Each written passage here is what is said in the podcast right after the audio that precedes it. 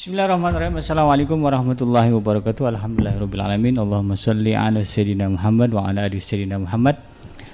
Berjumpa kembali di udara di gelombang 1044 AM, iDream Radio Successful Muslim Family dan seperti biasa uh, kurang lebih satu jam uh, eh, 15 menit ke depan Anda akan bersama dengan kami dalam program Ngaji From Home dan pada hari ini kita akan membahas uh, kajian hadis Al-Armin An-Nawawiyah dan kita sudah sampai ke hadis yang ke-40 dengan tema hakikat kehidupan. Dan untuk itu kita akan mendengarkan uh, tausiah dan uraian serta paparan terkait dengan tema kita yaitu tentang hadis hakikat kehidupan dari guru kita bersama yaitu Al Ustad Abdullah Haidar LC dan beliau sudah hadir di studio.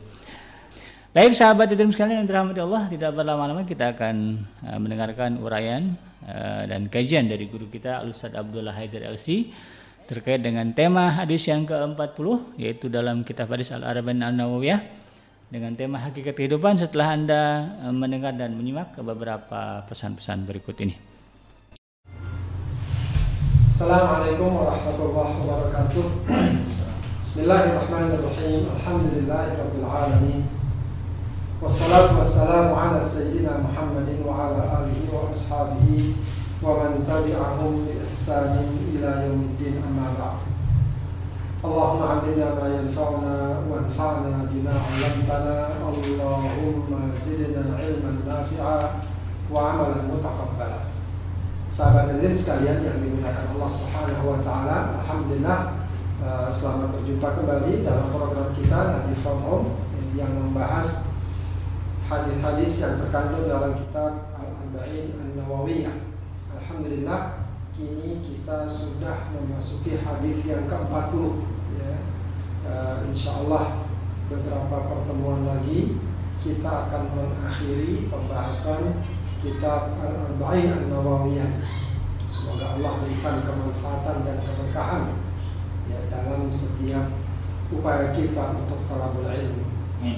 Baik, sahabat tadi yang dimuliakan Allah Subhanahu wa taala, kita bahas ya, pada kesempatan kali ini hadis ke-40 Bismillahirrahmanirrahim An ibni Umar radhiyallahu anhu qala Akhadha Rasulullah sallallahu alaihi wasallam biman kibayya Faqala kun fid dunya ka'annaka gharibun aw abilu sabil Wa kana ibn Umar radhiyallahu anhu yaqul Ida amsayta fala tantadhiris sabah wa ida asbahta fala tantadhiril masa wa khudh min sihhatika limaradik wa min hayatika limautik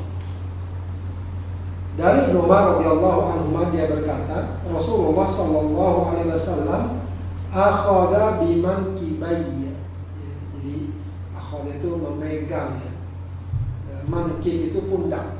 Asalnya mankibani kedua pundak. Ya. berarti Rasulullah memegang kedua pundak Ibnu Umar. Di mankibaya diidofahkan dengan apa namanya uh, domir uh, mutakallim. Ya. uh, itu menjadi biman kibaya baik. Eh, Rasulullah SAW memegang kedua pundakku kata uh, uh, Ibnu Umar. Fakala lalu beliau berkata, kun jadilah engkau. Maksudnya Ibnu Umar. Fit dunia di dunia ini ka'annaka gharibun aw abiru Seakan-akan engkau seorang gharib Gharib itu orang yang asing. Orang yang tinggal di negeri lain yang bukan merupakan negeri asalnya. Awabiru sabil. Ya, bahkan bukan hanya sekedar tinggal.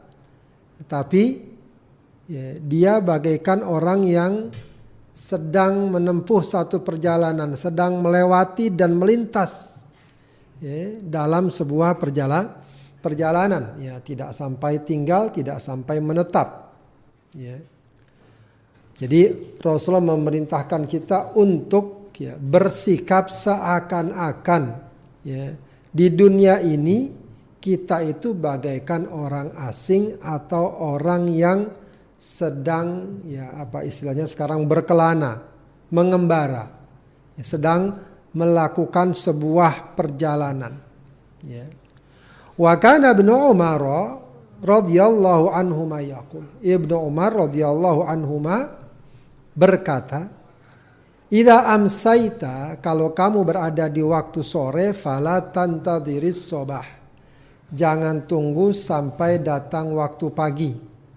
Wa ida asbahta jika kamu berada di waktu pagi fala tantadiril masa jangan tunggu datangnya waktu sore.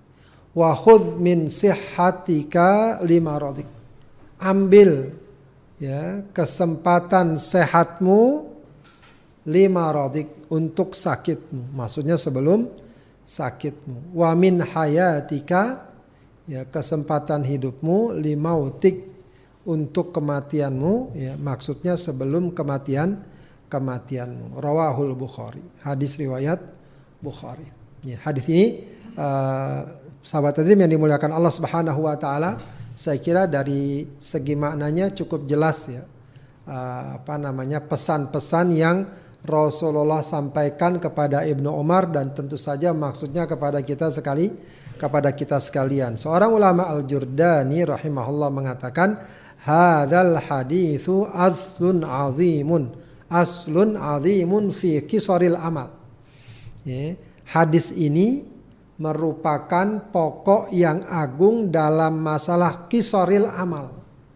Ya, pendek angan-angan jadi ada satu sifat yang dalam Islam itu tercela yaitu tulul amal. Ya, tulul amal. Ya, panjang angan-angan. Ya, panjang angan-angan itu bukan berarti seseorang nggak punya cita-cita. Ya, nggak boleh punya keinginan-keinginan. Ya, akan tapi panjang angan-angan itu kalau seseorang angan-angannya hanya urusan dunia saja. Ya, hanya untuk mengejar kenikmatan dunia saja. Pengen punya ini pengen bisa itu pengen dapat ini. Ya tidak terpikirkan bagi dia bagaimana nanti di akhir di akhirat. Bagi tidak terpikirkan oleh dia bagaimana nanti nasibnya di akhir di akhirat ya, yang dia kejar hanya kesenangan dunia kenikmatan dunia walau kadang-kadang bahkan mengancam dan mem memberikan dampak yang buruk bagi akhiratnya. Wa fihil hathu ala tafarruq ya, masih dalam ungkapan Al-Jurdani. Wa fihil hathu ala tafarruq min humumid dunya wal istighal bi umuril akhirah.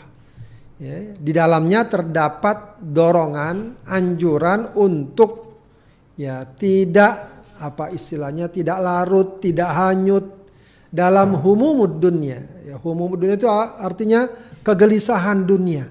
Ya, dunia ini penuh dengan humum. Ya, penuh dengan apa istilahnya ya? Sesuatu yang membuat kita berat memikirkannya. Ya, dulu ya ketika mungkin kita masih anak-anak ya berpikir bagaimana nanti sekolah. Ketika sudah sekolah berpikir lagi humum. Bagaimana nanti ujian lulus apa enggak. Ketika lulus berpikir lagi ya atau gelisah lagi bagaimana melanjutkan sekolah sampai kuliah. Ya, lalu gelisah lagi bagaimana kuliah ini kapan lulusnya. Sesudah lulus tetap lagi nanti gelisah lagi bagaimana pekerjaan, bagaimana melanjutkan kuliah, lalu berpikir berkeluarga. Sudah berkeluarga masih lagi gelisah, sudah apa namanya punya anak masih lagi gelisah dan seterusnya. Ya. Nah, hadis ini mengingatkan kita untuk jangan sampai hidup ini hanya larut dalam kegelisahan-kegelisahan dunia saja. Ya. Wal istighal bi umuril akhirah. Tapi hendaknya dia juga menyibukkan diri ya dengan perkara-perkara akhir akhirat. Ya sebab nanti akan tergambar bagaimana sesungguhnya dunia itu.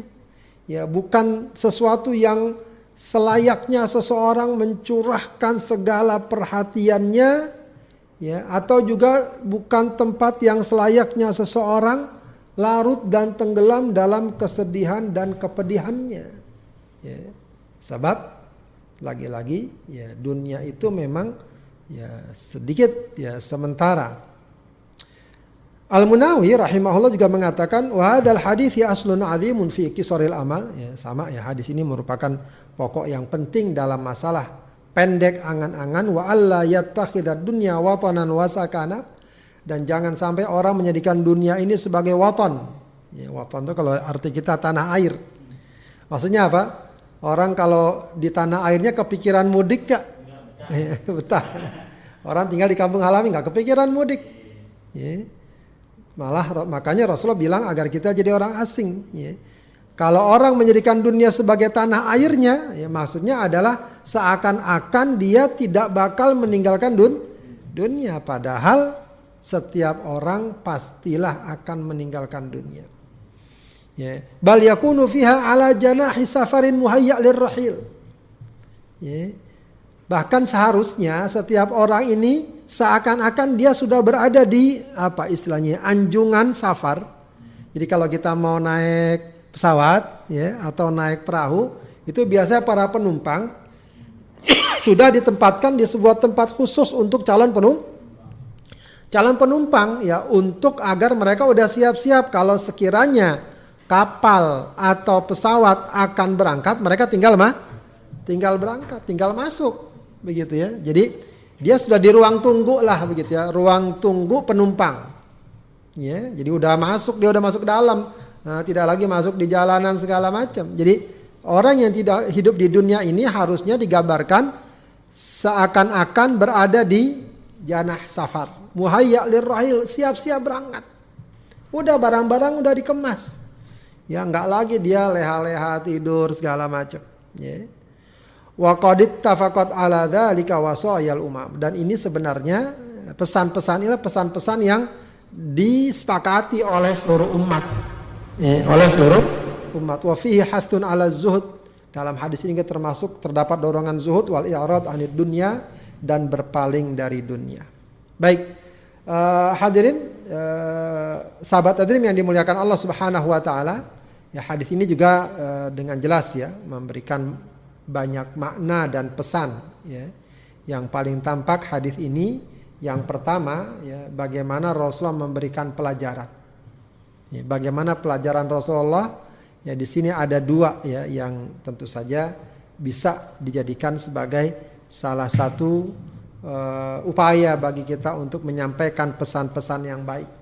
Rasulullah ya banyak ya bukan hanya dalam hadis ini saja memperjelas sebuah uh, apa namanya pesan yang ingin disampaikan dengan memberikan apa namanya permisalan.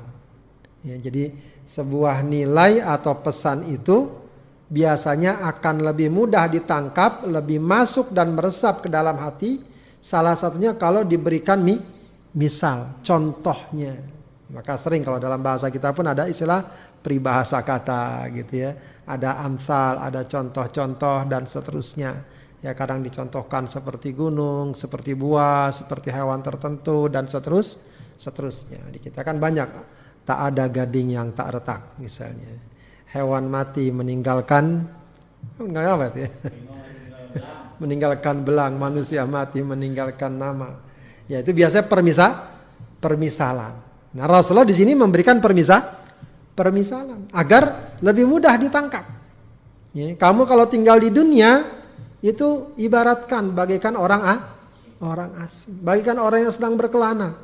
Ya, nanti kita akan bisa memahami. Kemudian dalam hadis ini Rasulullah menggunakan apa yang dikenal dalam teori pendidikan sekarang bahasa tubuh. Ya, gestur atau bahasa tubuh Rasulullah pegang itu pundak ya, Ibnu Umar. Orang bayangkan diajarin sambil pundaknya dipe, dipegang. Itu akan ada semacam apa ya?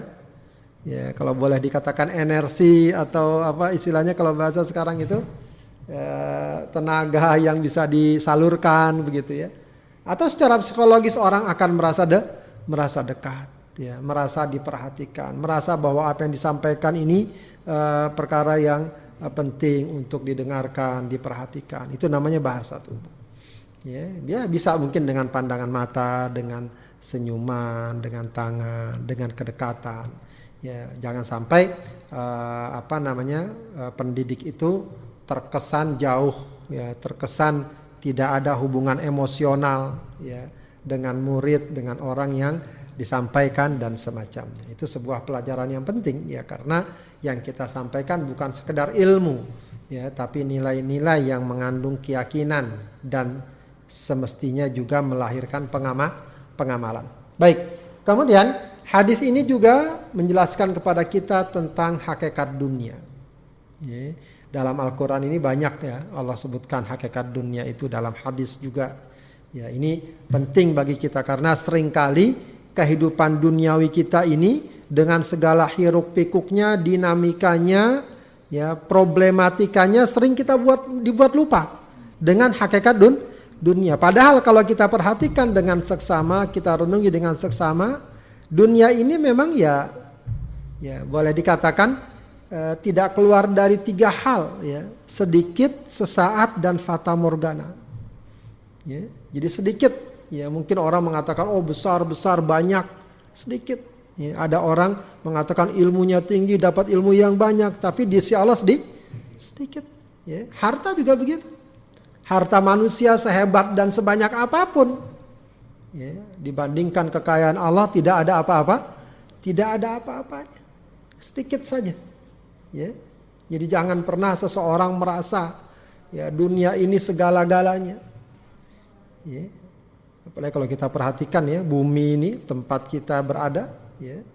Belum lagi kita sendiri yang menetap dalamnya dibanding uh, tatanan uh, tata surya yang Allah ciptakan ya teramat kecilnya kita. Ya. Maka uh, betapa Ya, seseorang semestinya ya, tidak perlu sombong dengan apa yang dia miliki karena yang dia miliki ya sesungguhnya bukanlah sesuatu yang banyak. Sudah sedikit sesaat pula. Dunia itu cuma sebentar. Ya, kita aja yang merasa oh nanti masih puluhan tahun dan lain sebagainya. Faktanya banyak di antara kita yang sekarang mungkin usianya sudah 30 tahun, 40 tahun, 50 tahun, 60 tahun. Ya, kalau nengok ke belakang Ya, masa-masa yang telah dilalui ya seperti baru kemar seperti baru kemarin. Dunia itu cuma seben, sebentar. Ya, sesuatu yang kita tunggu biasanya lama, ketika udah dapet ya sudah lewat saja begitu. Ya, sesaat. Ya, maka sekali lagi orang nggak perlu sombong dengan berbagai macam yang dia miliki, sebagaimana dia tidak perlu putus asa atau tenggelam dalam kepedihan yang dia alami semuanya sesaat. Semuanya sesaat. Ya, sebentar saja. Dan juga fata morgana. Ya, fata morgana itu artinya apa? Ya, fata morgana artinya eh, apa ya? Sesuatu yang dia dapatkan tidak sebagaimana yang dia bayang dia bayangkan dulu dia bayangkan ya sudah berkeluarga bagaimana enaknya berkeluar berkeluarga ternyata di dalamnya penuh dengan uji ujian penuh dengan berbagai macam masalah Dulu dia bayangkan bagaimana nanti enaknya kalau sudah lulus kuliah bisa kerja kayak si Anu, kayak si Anu. Ya, sudah dapat kerja ternyata ah pusing lagi kerja ini itu segala ma segala macam. Oh, enak kali ya kalau jadi Pak Direktur ya. Tinggal duduk perintah sana perintah. Ternyata direktur juga enggak enggak ringan. Ya, penuh dengan fata morgana. Ya. Maka dalam Al-Qur'an surat Ghafir misalnya Allah katakan ya, ya qaumi innama hadhil hayatud dunya mata. Wahai kaumku, ya ini uh, pesan para nabi kepada umatnya, dunia ini tak lain merupakan perhiasan wa innal akhirah hiya darul qarar. Kalau pengen tetap sesuatu yang abadi itu adalah akhir akhirat. Ya, dalam surat Al-Hadid ayat 20 Allah katakan wa mal hayatud dunya illa mataul ghurur. Kehidupan dunia itu tak lain merupakan kenikmatan yang gurur, yang menipu, yang memperda, memperdaya. Orang kita bilang fata morgana. Gitu ya. Jangan terpedaya oleh iming-iming tawaran-tawaran duniawi. Ya. Tentu ini semua bukan berarti kita membenci dunia, tidak. Ya. Akan tetapi ya, yang tidak boleh adalah menjadikan dunia segala-galanya. Ya. Orang dengan alasan dunia dia mau melakukan apa saja, berbuat apa saja, walau perbuatan tercela, walau perbuatan hina, walau perbuatan yang Allah benci. Ya, kalau atas nama dunia itu semua dia lakukan, Ya, maka itulah yang dikatakan mata ulur, ya, fata morgana.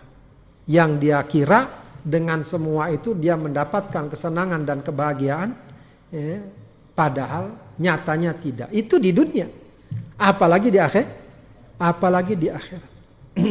ya. Juga dalam banyak ayat Allah gambarkan ya dunia itu dalam surah Al-Kahfi misalnya 45 Allah katakan wadrib lahum mathalal hayatid dunya kama'in anzalnahu minas samai fakhtalata bihi nabatul ard fasbaha shiman tadruhu riyah. Ya dunia itu e, perumpamaannya adalah ibarat air yang turun dari langit hujan lalu dari hujan menumbuhkan tanaman ya. Nanti tanaman itu akhirnya pun akan punah akan hangus akan ha, akan habis ya begitu. Dia tumbuh nanti besar bagus indah ya me, apa namanya menyejukkan atau sedap dipandang. Tapi nggak lama kemudian apa? Sudah habis ya. Tertiup angin mati layu dan seterusnya. Ya, itulah dunia. Ya. Dalam satu hadis Rasulullah SAW dalam hadis riwayat Muslim suatu kali Rasulullah masuk ke pasar kepada para sahabat. Didapati ada seekor bangkai. Bangkai tersebut kupingnya robek lagi gitu ya kata Rasulullah, ini siapa yang mau beli nih? Siapa yang mau ngambil bang ini bayar satu dirham. Satu dirham doang, murah. Ya Rasulullah, kita nggak ada yang mau ini buat apa gunanya? Gitu ya. Oke deh, kalau begitu nggak usah bayar, digratisin, ambil. Ya, ya Rasulullah, ya, hidup aja ini udah rusak gitu ya, kupingnya sobek, apalagi mati sudah jadi bangkai. Ya, tidak ada yang mau. Maka ketika itu Rasul mengatakan wallahi la dunya ahwanu 'ala Allah min hadza 'alaikum. Demi Allah katanya kata Rasulullah, dunia itu lebih rendah dari ini ya untuk kalian. Ya, untuk kali untuk kalian. Artinya ya, dunia itu ya eh, lagi-lagi bukan berarti kita harus musuhi ya. Jangan sampai uh, dunia itu seakan-akan menjadi eh, standar dalam kehidupan kita dalam kehidupan kita. Ya. ya. Dalam hadis yang lain, hadis riwayat Ibnu Majah Rasulullah mengatakan laukanat laukanatid dunya ta'dilu indallah janaha ba'udah masa kafiran minha syurbata ma'in. Ya, seandainya dunia ini sama nilainya dengan satu sayap nyamuk, ya, Allah tidak akan memberikan seteguk air pun kepada orang kafir. Kenapa ya orang kafir sudah tidak beriman kepada Allah ngapain Allah kasih dunia? Kalau Allah berikan orang kafir yang memang tidak beriman kepada Allah, ingkar kepada Allah, ya, bagian dari dunia itu karena memang dunia di sisi Allah tidak ada nilai, tidak ada nilainya. Ya, maka ya, hal-hal ya, ini mestinya sekali lagi mengingatkan kita ya, akan uh, satu perkara yang uh, apa namanya uh, penting ya, bahwa dunia ini tadi dia sedikit, dia sesaat dan dia fata morga, fata morgana.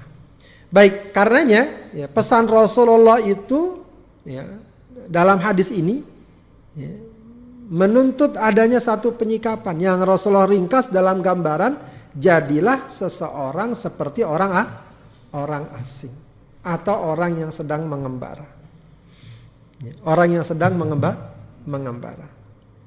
Baik, eh, banyak gambaran-gambaran disukai para ulama di antara makna sebagai orang asing. Ya, kita tinggal di sebuah negeri yang kita memang di situ merasa asing. Ya, kira-kira apa yang akan kita pikirkan? Bahwa suatu saat kita pasti akan pu akan pulang, akan mudik, akan balik. Ya, nggak kepikiran kita mau menetap di sini di situ. Ya tabiat orang biasanya ya. Meskipun ada orang yang uh, mengembara nggak boleh nggak balik-balik ada. Ya, kayak Bang Taufik di Bang Taufik nggak balik-balik dia. nah, tapi secara umum orang pengen pulang ke kam ke kampung. Nah, uh, kalau kita bukan masalah pulang nggak pulang, bukan masalah pengen nggak pengen. Ya, suka nggak suka kita bakal ba bakal balik. Ya, jadi bukan masalah oh saya bakal pulang enggak. Anda nggak pengen pun Anda bakal bu bakal dipulangin lah kasar gitu ya. Setiap kita bakal kemba kembali ya, karena kita ini di dunia asing. Ya, ini bukan darul koror. Kayak tadi Allah katakan dalam Al-Quran. Ya. Yang darul koror itu tempat yang abadi itu adalah akhir akhirat. Nah, kesadaran ini ya, nantinya diharapkan menimbulkan kesadaran berikutnya. Kalau pada akhirnya kita akan pulang, maka tentu saja pertanyaannya adalah kalau pulang nanti bawa apa? Bekalnya apa? Oleh-olehnya apa? Nah, itu yang harus menjadi pertanyaan dan itu secara natural mestinya akan hadir pertanyaan itu. Kalau kesadaran ini muncul, kalau kita sadar bahwa tempat akhir kita adalah kampung akhirat, maka otomatis kita akan selalu bertanya, saya udah ngapain saja? Apa saja yang saya bawa? Ya. Jangan lupa, jangan cuma berpikiran apa yang saya bawa. Pikirkan juga apa yang kira-kira nanti dapat merugikan saya. Bukan cuma itu kan? Ya, kita kalau misalnya contoh yang sederhana kita pergi ke suatu negeri, pulanglah katakan bawa barang-barang, kita akan berpikir apa yang nggak boleh nanti. Jangan sampai di imigrasi jadi masalah dari sekarang sudah diperbaiki. Ya, disiap-siapin yang kira-kira nanti bikin masalah tinggal tinggalkan daripada nanti sudah di sana bikin masalah nanti bahkan kita bisa masuk penjara dan satu dari sekarang siap sih siap-siap ya, itu baru contoh dunia padahal contoh dunia itu masih ada kesempatan untuk kembali kembali. Apalagi contoh akhirat. Ya. Yang kalau seandainya ada masalah, nggak bisa kita kembali. Walau kita merengek-rengek minta dikembalikan, tidak bakal dikembali. Kembali. Maka orang yang menyadari bahwa dirinya adalah gharib di dunia ini, pasti dia berpikir akan pulang. Orang yang berpikir bahwa dia akan pulang, pasti dia akan berpikir bekal apa yang harus dia bawa yang harus dia bawa. Maka e, harusnya kita betul-betul ya menghadirkan ini dalam kehidupan kita. Kemudian ada lagi salah satu sifat orang asing tuh. Apa orang asing tuh? Sifatnya itu e, apa namanya? taat dan nggak berani atau nggak mudah melanggar aturan. Ya, orang kalau di kampung sendiri biasanya jagoan. Orang punya kampung apalagi bapak kakeknya tokoh di kampung itu. Wah, dia bisa uh, gaya-gayaan lah. Tapi orang baru datang. Tahu di kota itu orang baru, orang nggak di orang baru. Nah, ada ketentuan ini dia ikut, dia ini dia ikut. Kenapa? Dia orang baru, nggak berani macam macam-macam. Nah, mestinya sikap kita di dunia itu seperti begitu. Seperti orang asing, kalau ada aturan kita patuh, kalau ada larangan kita tinggalkan. Kenapa? Kita ini orang asing. Ya. Sekali kita melakukan kesalahan, ya, maka akan mendapatkan catatan dan poin penilai penilaian. Maka ya ketika Rasulullah mengatakan kun fid dunya ka'annaka gharibun itu juga maknanya bisa diartikan ya seakan-akan ini kita orang yang baru datang dan mestinya taat ketentuan dan aturan dan sedapat mungkin meninggalkan apa yang Allah lah Allah larang. Kemudian e, jadilah orang asing. Ya. Orang asing tuh biasanya ya, hidupnya lebih apa ya? Lebih bersahaja. Lebih apa ada? Lebih apa adanya. Dia tinggal di satu kampung negeri yang dia bakal pulang. Ya. Maka kira-kira ya, dia bangun rumah, kalaupun dia bangun rumah, apakah dia bangun rumah besar-besar? Tidak. Kenapa dia akan pulang? Dia akan tinggalkan. Mungkin kalau masih di Indonesia bisa lah ya. Tapi kalau dia tinggal di luar negeri, ya paling pun eh, dia akan kontrak saja cukup. Sudahlah cukup kontrak. Cukup beli barang yang seperlunya. Kenapa? Akan ditinggal? Akan ditinggalkan. Nah ini yang tadi dikatakan inilah uh, nilai zuhud tadi. Ya, bagaimana uh, untuk urusan dunia dia tidak jor-joran sedemikian rupa. Ya, dia tidak jor-joran sedemikian rupa. Kenapa? Karena cepat atau lambat pun akan ditinggal, akan ditinggalkan. Ya, maka memang dan itu fakta yang sangat jelas ya. Betapa kita sering lihat orang-orang dengan segala kekayaannya, ya, lalu terdengar berita wafatnya, ditinggalkan semua itu yang telah dia kumpulkan. Kadang-kadang ya belum sampai betul-betul dia menikmati, baru juga dia mulai menikmati Allah uji, Allah kasih musibah, dari yang tidak dia du, tidak dia duga. Sedang di puncak popularitasnya, Allah ambil ajalnya. Ya, jadi itu dunia. Ya, maka memang seseorang dengan dunia ini ya hendaknya sewajarnya, secukupnya, seperlunya. Ya, tidak sampai seakan-akan dunia ini tempat abadi selama-lamanya. Ya, kalau tempat abadi selama-lamanya bolehlah orang jor-joran bagaimana dia menjadi paling senang, paling sukses di dunia ini. Ya, tapi tidak demikian. Ya, dunia ini akan habis ya, maka pilihan bagi kita dunia ini adalah kita meninggalkan dunia atau dunia meninggalkan meninggalkan kita. Baik, kemudian hadis ini ditutup dengan sebuah pesan yang juga sangat indah dari Ibnu Umar. Dia katakan, "Idza amsaita fala tantadhiris sabah wa idza asbahta fala tantadhiril masa." Kalau kamu berada di sore hari jangan tunggu datangnya pagi hari. Kalau kamu berada di pagi hari jangan tunggu datangnya sore hari. Ya, ambil kesempatan sehat sebelum sakit, ambil kesempatan hidup sebelum mati. Apa maksudnya? Maksudnya adalah gunakan kesempatan-kesempatan yang ada, jangan menunggu hingga besok, hingga lain situasi dan kondisi untuk segera beramal soleh. Untuk segera melakukan ketaatan-ketaatan. Ya, jadi jangan uh, sampai kita tunda-tunda. Ya, mungkin pelajaran sekarang ini kondisi pandemi yang kita alami, ya, uh, banyak perkara-perkara yang sekarang tidak mudah kita lakukan. Ya. Walaupun orangnya pengen, walaupun dia mampu. Ya. Maka kalau ada orang yang menunda-nunda kemarin padahal dia pengen dan mampu, lalu sekarang ingin melakukannya ya tidak bisa. Yang paling gampang umroh atau haji lah. Ya.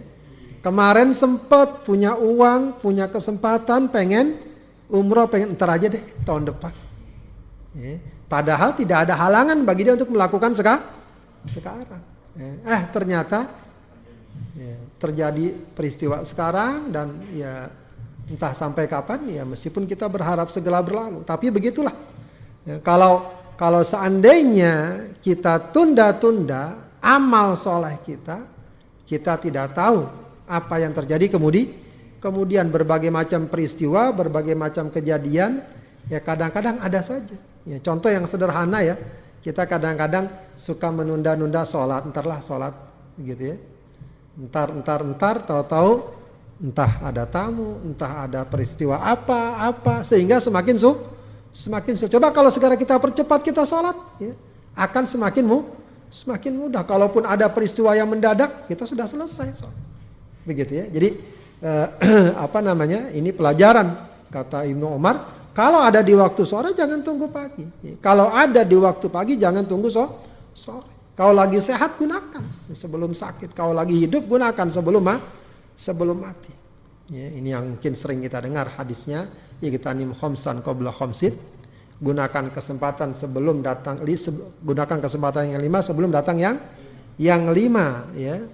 Syababaka qabla haramik. Masa muda sebelum datang masa tuh masa muda Ya, gunakan kesempatan untuk beramal soleh. Ya, jangan mentang-mentang muda lalu merasa nanti saja amal soleh.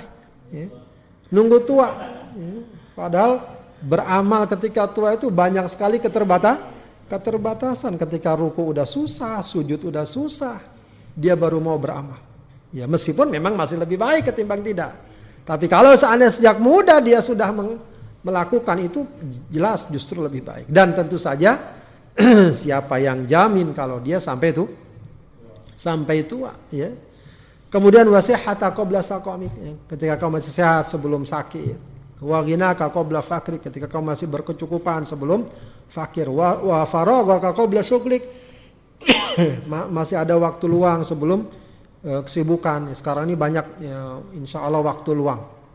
Ya, karena sebagian masih ada yang pandemi masih ada yang uh, eh, WFH dan semacamnya ya Waktu luang sekarang relatif lebih banyak. Ya, ya paling enggak mungkin sekarang arisan mungkin jarang. Ya. Kondangan jarang ya. Ya. Pengajian jarang, ya, pengajian yang offline. Jalan-jalan juga terba terbatas. Jadi sebenarnya waktu lebih banyak. Ya. Jangan sampai waktu banyak ini kemudian ya, kosong dari amal so, dari amal soleh wahayatika qabla mautik dan hidupmu sebelum mati. Jadi uh, uh, pesan Ibnu Umar ini adalah agar kita segera beramal. Jangan suka menunda-nunda. Jangan suka ya nanti-nanti. Apa namanya? Eh, waktu kita itu adalah waktu yang kita sekarang lalui. Sedangkan yang kemarin sudah bukan menjadi waktu kita, yang akan datang belum tentu menjadi miliki menjadi milik kita. Jangan sampai terjadi satu penyesalan yang tidak berguna lagi. Ya. Kalau di dunia mungkin masih ada kesempatan, tapi yang mengerikan itu ya penyesalan ya, di akhirat yang tidak ada guna lagi. Ya, dalam surat Az-Zumar ayat 56 ya bagaimana nanti penghuni akhirat yang menyia-nyiakan dan e, menyepelekan ya atau mengabaikan ajaran dan ketentuan Allah. Mereka sampai menggambarkan, mengutarakan kepedihan dan penyesalannya. Ya hasrata ala ma farrattu fi jambillah. Duhai betapa sedihnya, betapa sengsaranya, betapa mesal, menyesalnya atas kelalaian aku di hadapan Allah. Di hadapan Allah. Jadi ya cuma bisa begitu saja. Nggak bisa berbuat apa? Berbuat apa-apa ya dalam surat Al-Fajr ayat 23 ini juga sering kita kutip. Ya nanti di akhirat nanti waji yauma idzim bi jahannam yauma idzi yatadzakkarul insan wa anna lahu dzikra. Nanti didatangkan neraka jahanam di baru diperlihatkan orang-orang baru ingat. Ya, yauma idzi yatadzakkarul insan orang baru ingat. Oh dulu saya berbuat maksiat dulu saya menentang Allah dulu saya meninggalkan ajaran Allah. Tapi kata Allah apa? Wa anna. Ya, sekarang buat apa gunanya mengingat? Ya, sekarang ini adalah pembalasan.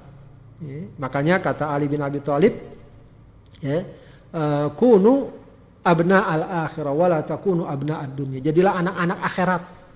Anak-anak akhirat maksudnya orang-orang yang orientasinya bagaimana nanti nasib saya di akhirat. Wala takunu abna'ad dunia, jangan jadi anak dunia, pikirannya dunia saja. Bagaimana dia senang, bagaimana dia enak, bagaimana dia bahagia di dunia. Tanpa memperdulikan keselamatan dan kebahagiaannya di akhir di akhirat. Dalam surat Fatir ayat 37 mungkin gambarnya lebih lebih sedih lagi. Ya. Allah gambarkan wahum yastaghrikhuna fiha. Mereka itu nanti berteriak-teriak di dalam neraka jahanam. Ya. Akibat apa? Kelalaian mereka ya, akibat kekufuran mereka, akibat kemaksiatan dan kemungkinan yang mereka lakukan. Maka mereka mengatakan apa? Rabbana akhrijna na'mal salihan ghairal ladzi kunna na'mal. Ya Allah, keluarkan kami di sini dari sini. Nanti kami akan beramal soleh tidak seperti amal yang dahulu kami lakukan. Ya. Apa kata Allah? Awalam nu'ammirkum ma yatadakkaru fihi man tadakkar. Bukankah telah kami berikan kalian usia panjang yang di usia itu yang di usia seperti itu orang-orang banyak yang mengambil pelajaran. Ya. Jadi banyak orang yang udah dikasih usia 40 tahun, 50 tahun lalu bertau bertobat. Udahlah nggak pengen seperti dulu lagi lah, udah jangan kayak dulu deh begitu ya ninggalin sholat semaunya sekarang sholat. Ya dulu ke sana kemari berbuat maksiat berzina naudzubillah dan lain. Sekarang udah deh taubat. Taubat ya. Dengan sebenar taubat. Banyak yang seperti itu. Nah kamu itu udah dikasih waktu. Ya yang waktu itu waktu seperti itu sudah cukup bagi engkau untuk mengambil pelajaran. Ya wajah akumun nadir bahkan sudah ada orang yang ngasih peringatan. Datang rasul datang para sahabat datang para ulama datang ustadz datang dai. Ngasih tahu ngasih peringatan ya tapi kamu abaikan. Ya apalagi kalau melihat zaman sekarang ya jangan bukan cuma diabaikan malah dimusuhi. Ya, ustadz yang ngasih pesan ini pesan itu jangan ini jangan itu malah jadi sasaran ya, pelecehan. Malah dibully kalau orang sekarang bilang. Ya maka uh, ya percuma. Ya maka kata Allah fadhuku fama lidzalimina min nasir. Maka rasakan. Ya. Tidak ada penolong bagi orang yang zalim. Dalam surat Al-Munafikun juga lebih juga sedih juga gambarannya. Ya, kata Allah ayat 10 ya. Allah gambarkan dalam surat Al-Munafikun wa anfiku ya min tayyibati ma razaqnakum. Ya, wa anfiku mimma razaqnakum. Dan infakkan keluarkan dari apa yang kami rezekikan kepada kalian. Min qabli an ya'tiya ahadakumul maut sebelum datang kematian kepada salah seorang dari kalian. Fayaqula rabbi ya. Maka ketika datang kematian itu baru mereka mengatakan Rabbi laula akhartani ila ajalin qarib ya. Ya Rabb ya. Tidakkah mungkin engkau tunda untukku sedikit saja waktu fa'as agar aku bisa bersedekah. Wa akum minas solihin dan aku bisa menjadi orang-orang soleh. Ya, jadi ketika sudah mepet-mepet itu sudah mau dekat ajal dia minta ditunda. Padahal Allah sudah menyatakan ajal itu kalau sudah datang ya tidak dapat dipercepat juga tidak dapat ditunda. Ya, maka kita kembali kepada apa yang dikatakan oleh Ibnu Umar tadi jangan menunda-nunda. Kalau ada di sore jangan tunda pagi. Kalau ada di pagi hari jangan tunda sampai sore. Lagi sehat gunakan kesempatan sebelum sakit. Sedang diberikan kehidupan gunakan kesempatan sebelum datang kemati sebelum datang kematian. Inilah gambaran orang-orang yang menyadari hakikat dunia. Tidak terpedaya, tidak larut, ya, tidak hilang kontrol, ya, tapi dia sadar dunia ini seberapa pun hebatnya dia tetap sementara. Maka uh, sahabat Edrim yang dimuliakan Allah Subhanahu wa taala uh, satu hal yang juga sangat uh, membantu kita ya untuk menghadapi berbagai macam hal di dunia ini adalah kesadaran ini. Ya, orang ya, ketika ingin taat, ketika ingin beribadah pasti banyak ujiannya. Mungkin kesulitan yang dialami akan ada, bahkan mungkin tidak sedikit orang yang kesulitannya amat berat.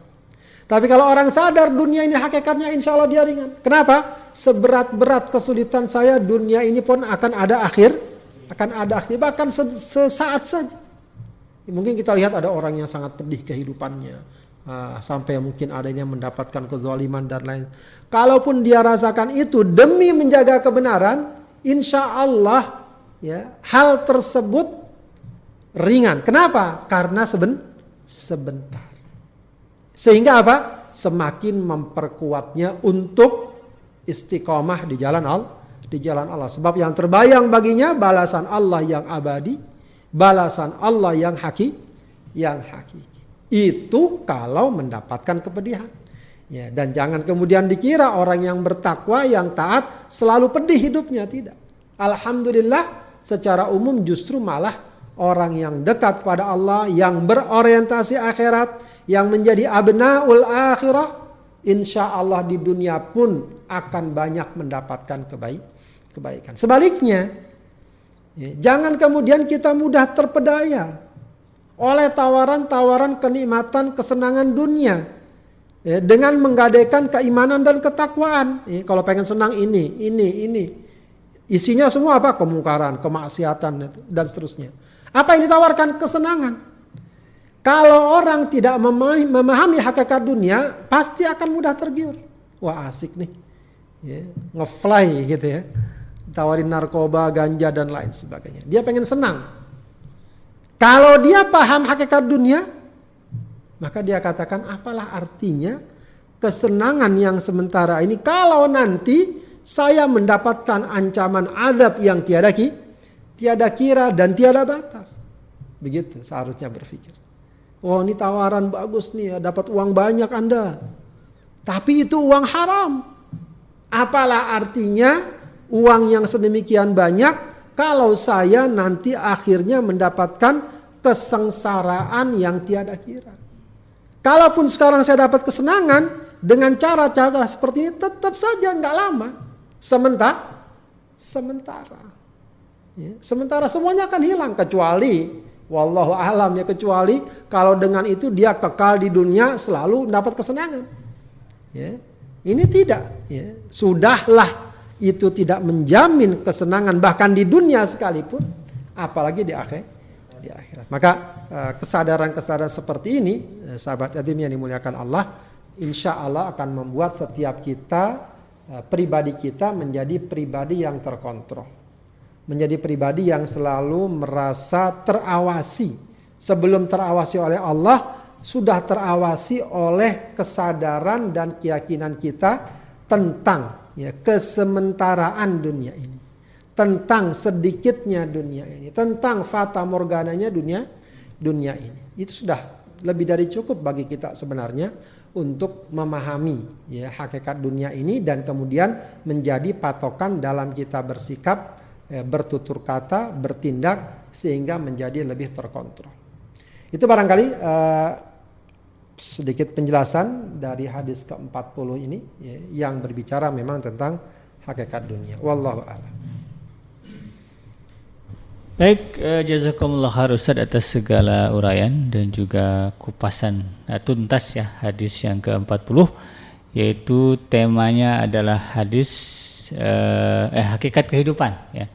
Semoga eh, sahabat adilim sekalian di mana pun anda berada bisa mendapatkan manfaat, bisa mendapatkan pencerahan ya, apalagi eh, di musim pandemi begini ya sepertinya kematian itu begitu dekat ya.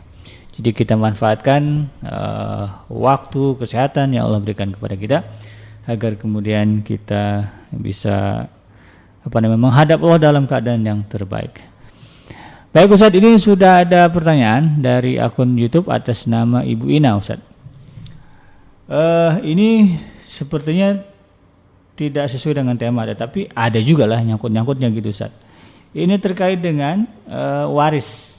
Ya, jadi kan ya, biasalah ya kita di Indonesia ini banyak yang kadang-kadang ribut gara-gara warisan. Set. Padahal orang yang meninggal yang punya hartanya sudah meninggal lama begitu. Jadi ini perlu uh, kita ketahui dan kita pahami mungkin ini sebagai contoh kasus saja. Bisa Ustaz? Ya, coba. Oke, siap. Pertanyaannya adalah gini Ustaz. Uh, uh, saya ilustrasikan saja. Ini ada uh, seorang ayah yang e, memiliki aset e, rumah lebih dari satu dan juga tanah, nah, ya. Kemudian e, punya anak e, lima, satu perempuan, empat laki-laki. Nah, e, situasinya adalah ayahnya sudah lama meninggal dan yang tinggal adalah ibunya yang sudah tua dan pikun. Jadi ayah sudah meninggal, ibunya masih hidup tapi sudah tua dan pikun tinggal di salah satu rumah yang ditinggalkan oleh ayahnya. Nah ini sekarang e, karena ibunya sudah pikun, sudah tua, begitu Ustaz, e, nggak jelas lagi bagi dia e, bagaimana untuk membaginya. Nah ada pertanyaan adalah bagaimana nih Ustaz membagikan e, harta yang ada kepada lima anaknya, di mana dua dari anaknya sudah ada yang meninggal, anak pertama dan anak kedua meninggal. Anak pertama perempuan sudah meninggal, tapi punya cucu, cucu, ya. Ada cucunya gitu kemudian yang laki-laki yang kedua juga sudah meninggal ada cucu juga. Jadi yang masih hidup anaknya adalah tiga orang laki-laki. Nah, ini eh, kira-kira bagaimana Ustaz? silakan. Baik uh, memang uh, terkait dengan masalah ini ya kaitannya adalah uh, ahli waris itu ya ahli waris yang memang uh, sudah ditetapkan ya hmm. uh, dan ada ahli waris yang pasti dapat ada yang mungkin dapat mungkin tidak ada yang mungkin dapat dan mungkin tidak. Mungkin tidak. Begitu. Ya. Nah, kalau yang pasti dapat tuh anak. Oke. Okay. Ya, ibu, orang tua, istri atau suami. Ya, bapak, ibu itu pasti dapat. Yeah. Ya. Uh, istri atau suami itu pasti da pasti dapat. Ya. Anak, laki, perempuan itu pasti da. Di luar itu kemungkinan dapat, kemungkinan tidak. Oh iya. Paham nggak? Ya, cucu. Kalau saudara misalnya. Ya, saudara dari ayah gitu ya. Saudara dari ayah. Apakah dapat? Ya, bisa dapat kalau nggak ada anak. Tapi kalau ada anak nggak dapat dia. Paham nggak? Hmm. Ya. Saudara dari ayah kalau ada anak dapat. Kalau oh, kalau dia nggak ada anak yang meninggalnya ya. Ya. Kalau nggak ada anak dapat. Ya. Atau uh, cucu. Hmm. Cucu kalau nggak ada anak ya dapat. Maksudnya anaknya anak dari yang meninggal ya. Oh gitu. gitu. Kalau ada anak nggak dapat. Dalam hal ini memang agak riskan karena anaknya meninggal duluan dari ayahnya. Iya. Iya. iya. Sementara harta warisannya belum dibagi. Dibagi. Ketika dia meninggal, yang ada anak-anak dari yang meninggal. Nah, cucu dari anak yang meninggal ini dapat nggak? Kalau memakai kaidah waris itu nggak dapat. Kalau status meninggalnya setelah ayahnya meninggal, cuman karena masih ada ibu belum belum dibagikan. Nah, itu masih mungkin. Oke. Okay. Kalau misalnya eh, harta ayah meninggal. Hmm. Harta warisan belum dibagikan. Iya. Belum dibagikan sudah meninggal itu. Apa namanya? eh, anaknya. Anaknya. Kan ada anaknya lagi cucu. Iya, cucu. Nah, itu ah, cucunya itu mendapat warisan dari jatah ayah. Ayahnya dibagi dulu untuk anaknya gitu ya, baru Nah, dikasih dibagi dulu cucu. berapa jatah jatah bapaknya meninggal, Hmm. baru nanti untuk anaknya. Anaknya. Begitu, sesuai dengan ketentuan waris. Kalau Gitu. Jadi kalau memang meskipun demikian memang para ulama menganjurkan, ada juga yang mengatakan eh, mereka tetap dibagi berdasarkan apa namanya ya katakanlah eh, pembagian yang di diperuntukkan untuk kerabat untuk apa artinya eh, selayaknya ahli waris dari yang dapat tadi itu Mm-mm. ya memikirkan juga mereka meskipun mereka misalnya dari segi hukum nggak dapat warisan. ya kayak cucu misalnya. Iya, itu cucu itu karena mereka orang tua kan udah meninggal. Iya. Seharusnya mungkin mereka dapat dari orang tua. Orang tuanya. Cuma karena orang tua meninggal lebih dulu dari bapaknya, mereka nggak dapat. Nah, itu anak-anaknya itu Mikir. semestinya Iya. memikirkan. Ihsan lah Ustaz. Ya, ihsannya gitu ada. Kalau di beberapa negara bahkan dibuat perundang-undangannya itu. Nggak tahu kalau di Indonesia ya, apakah ada perundang-undangannya untuk itu? Oh, Ya karena memang eh, kasihan juga kalau mereka nggak dapat. iya. Ya, eh, kalau karena eh, seharusnya dapat dari ayahnya. Wallahu alam. Eh, untuk jatah ibu Ustaz ada ya? Jatah ibu ada seperenam kalau ada anak. Jadi ketika ayah meninggal, nah, ibunya dapat satu per enam. Iya. Kemudian Sisanya nanti buat anak. sisanya buat anak. Seandainya ibunya meninggal, jatah ibu bagi lagi ke anak-anaknya Ah iya kembali ke anaknya, semuanya ke dengan anak. ukuran yang itu tadi ya dua per satu ya, salah dua laki-laki satu perempuan. Ah iya. Nah, Oh, itu kan tapi kalau tadi kan nggak ada anak perempuannya kan, kalau Iya. anak laki berarti semua dibagi tiga. Baik. Oke. Jadi eh, untuk apa nanya eh, Ibu Ina dan mungkin juga saudara-saudaranya lah ya begitu. Kalau memang ini kasusnya Ibu Ina, yang pertama eh, sebelum dibagikan bertakwalah dulu kepada Allah ya karena ini adalah urusan yang kaitannya dengan eh, kita dengan Allah juga begitu ya. Kalau jahat kita dengan eh, sesama manusia gimana kita akan menghadap Allah dengan baik.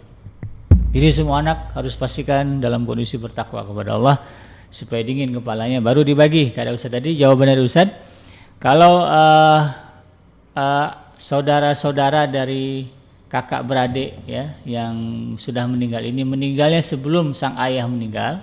Sebetulnya dalam hukum Islam tidak mendapatkan eh, warisan ya. Tapi diserahkan kepada anak-anak yang masih hidup. Tetapi tentu ada ihsan di sini. Ya nanti paman-pamannya harus memikirkan lah ya anak-anak yang ditinggalkan ini. Kemudian eh, yang jatah ibu dapat itu? Satu per enam dari semua harta yang ditinggalkan. Kemudian sisanya dibagikan kepada anak-anaknya jadi anak laki-laki ya tentu eh, sudah ada aturannya ya ada pembagian mereka dapat tapi yang jelas itu tadi ya eh, yang mungkin perlu ditekankan apakah meninggalnya dua anak dari eh, sang ayah yang meninggalkan warisan ini sebelum atau sesudah kalau misalnya eh, sesudah, nah inilah yang ihsan dari paman-pamannya. Eh kalau sesudah ya dapat begitu kan jatah dari ayah. Tapi kalau misalnya eh, meninggalnya sebelum ayahnya wafat, ini ihsan dari paman-pamannya. Nah, terus ini ada pertama eh, pertanyaan tambahan Ustaz, rumah yang ditempatin ibu dengan anak-anak dan cucu mantunya bagaimana Ustaz? Ya, jadi statusnya rumah ini sebetulnya kan warisan Ustaz dan belum jelas apakah itu bagian dari satu per enam atau tidak. Nah posisinya sekarang itu pokoknya ada rumah yang ditempati oleh ibunya Ya. dan juga mantu-mantunya dan cucu-cucunya. Ya, ini statusnya gimana? Nunggu ibunya meninggal aja? Ya itu tentu di, dibicarakan untuk keluarga ya. Ah. Bagusnya bagaimana? Tapi memang kalau memang itu rumah statusnya milik ayah, Ah, berarti jadi harta waris. Paris. begitu ya. Ya. Nah, masalah wah, apakah ibunya harus pindah segala macam itu tentu saja eh, keluarga yang membicarakan baik-baik ya. Tapi memang bagusnya sih jelas jatah masing-masing walaupun misalnya rumah itu karena memang masih dipakai dan lain sebagainya Ah. ya ti- tidak mengapa ditinggal dulu tapi di sini ada jatah si fulan sekian persen, si fulan sekian persen, si fulan sekian Oh, persen agar eh, agar paling enggak masing-masing merasa eh, sudah tahu miliknya atau haknya berapa Iya. begitu ya. Jadi memang bagusnya tidak tidak dibuat mengambang. Ya, kalau sudah dimiliki ya sudah nanti karena memang di situ ada ibu segala macam. Tentu ki- eh, kita nggak begitu saja ngusir ibu terus ya atau bagaimana ya katakanlah ya tinggal di situ ya sampai nanti pada waktunya bisa dibagi atau dijual lalu dibagi sesuai dengan pembagian waris eh, tidak mengapa. Jadi pastikan dulu itu hart, rumah itu milik siapa. Iya. Kalau rumah itu misalnya atas nama ibu berarti ya rumah ibu nggak bisa Iya. dia. Tapi kalau atas nama bapak berarti dia udah bisa dibagi. Maksudnya memang itu rumah itu eh, dulu belinya ibu misalnya gitu Ustaz. Hmm. Atau rumah itu pemberian dari ayah itu harus jelas dulu ya gitu ya. Bagusnya sih begitu. Ah. Jelas dulu ini rumah siapa. Ah, misalnya rumah dari bapak, tapi udah diberikan ke ibu. Ah. Nah, diberikan ke ibu itu kan juga jelas. Iya. Kalau memang diterima, oh ini du- bapak udah bilang buat ibu. Lalu anak-anak terima ya sudah selesai. Iya. Tapi kalau ada misalnya anak, oh nggak masih nggak puas atau nggak bisa nerima segala Iya. macam, ya itu kan bisa saja. Ya, meskipun bukan berarti harus ngotot-ngototan ya, tapi memang perkara seperti itu harus jelas, ya, harus clear. Yang penting kepala dingin ya. Ya, kalau soal harta warisan memang eh, harus benar-benar menjaga sikap, menjaga Iya. diri, Iya. terkontrol. Jangan sampai mainnya di pengadilan kasihan ibu yang sudah melahirkan kita bawa ke pengadilan. Jadi ibu eh, diperjelas dulu eh, berapa total harta peninggalan ayah di luar dari yang sudah ayah berikan misalnya kepada ibu ya. Misalnya ibunya eh, ayah dulu pernah beli beli rumah, ini saya serahkan ke ibu. Berarti itu nggak dihitung punya ayah ya. Dihitung dulu punya ayah berapa totalnya. Kemudian nanti dibagi berdasarkan hukum Islam tadi. Ya, a- anak laki-laki dua bagian, anak perempuan satu bagian. Lalu kalau kasusnya yang tadi anak yang sudah meninggal, ya, dipastikan dulu meninggalnya kapan. Kalau meninggalnya sebelum eh, eh, eh, sebelum harta itu dibagikan, sebelum diwariskan atau sebelum Ayah ay- meninggal. ya sebelum ayah meninggal, eh, berarti dia tidak tidak ada hak ya, cuman ihsan paman-paman kepada cu- eh, cucunya tadi ya. Tapi kalau memang eh, ayahnya belum meninggal, ayahnya sudah meninggal, terus kemudian masih hidup, berarti kan dapat jatah. Ini juga dikelirkan berapa masing-masingnya, berapa persennya, dan terkait dengan rumah tadi diperjelas lagi. Eh, rumah ibu ini rumah bagian dari harta ayah atau bukan? Kalau misalnya bagian dari harta ayah, nah ini dari total tadi ibu dapat seperenam. Ya, kalaupun ternyata seperenam itu termasuk dalam rumah itu, nah ini ihsan dari anak-anak ya. ya, ya sudah kita bicarakan bersama. Tapi sudah jelas bahwa dari rumah yang ditempati ini, kalau seandainya nanti diuangkan atau dijual begitu, sudah ada pembagiannya untuk eh, masing-masing anak tadi, sehingga kemudian semuanya menjadi clear dan tidak ada pertengkaran. Eh, mudah-mudahan bisa dipahami Bu ya. Baik. Kita lanjutkan Ustaz. Ini ada pertanyaan berikutnya. Eh, un- Untuk umat Islam, adakah lembaga agama yang ngurus hukum waris Ustaz? Seperti perwakilan Majelis Agama Indonesia, ya tidak supaya tidak ada perselisihan. Nih ibu ini kalau misalnya di Ya ada pengadilan agama. pergi ke Pengadilan Agama. Pergi ke pengadilan agama atau kalau memang eh, kalau peradilan kan mungkin sudah masuk ke ranah hukum ya, tapi meskipun itu bagus juga.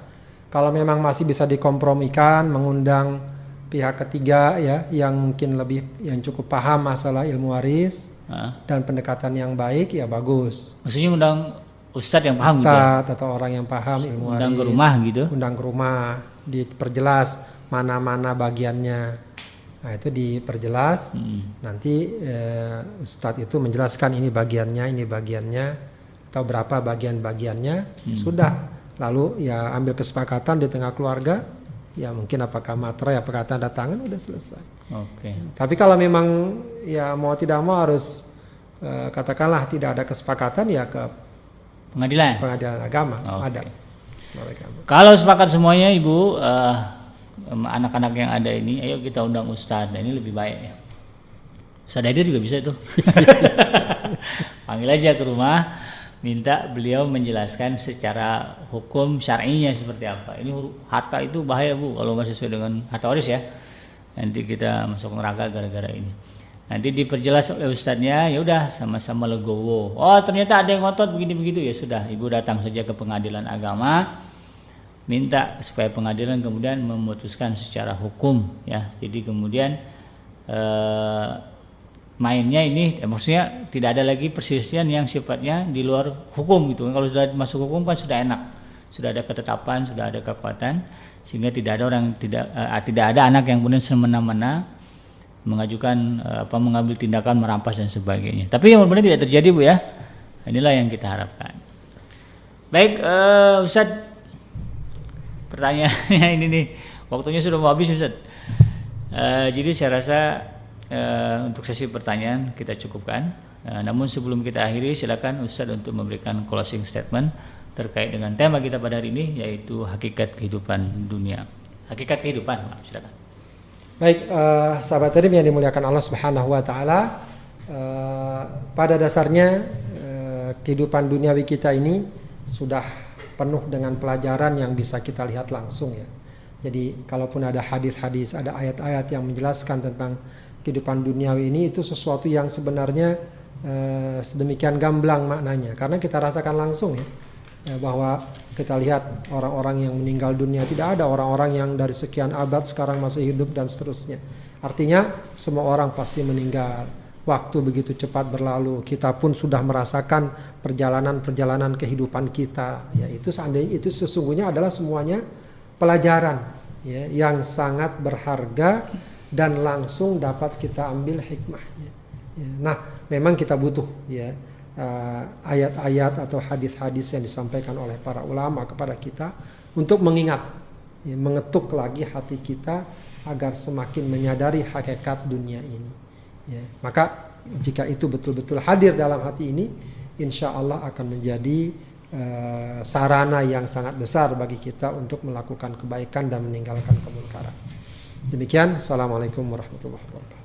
Waalaikumsalam warahmatullahi wabarakatuh. Demikian uh, tuntas sudah kebersamaan kita dalam program ngaji from home edisi hari uh, Selasa petang. Insya Allah jika ada waktu dan kesempatan yang sama dan izin dari Allah Subhanahu Wa Taala kita akan bertemu kembali di lain waktu dan juga kesempatan. Untuk itu saya BKJ beserta kru yang bertugas uh, pamit undur dari ruang dengar Anda. Mohon maaf atas segala kekhilapan dan kelafan. Kita tutup dengan membaca doa kafaratul majlis subhanaka Allahumma rabbana wa bihamdika asyhadu an la ilaha illa anta astaghfiruka wa atubu ilaik. Walhamdulillahirabbil alamin. Wassalamualaikum warahmatullahi wabarakatuh.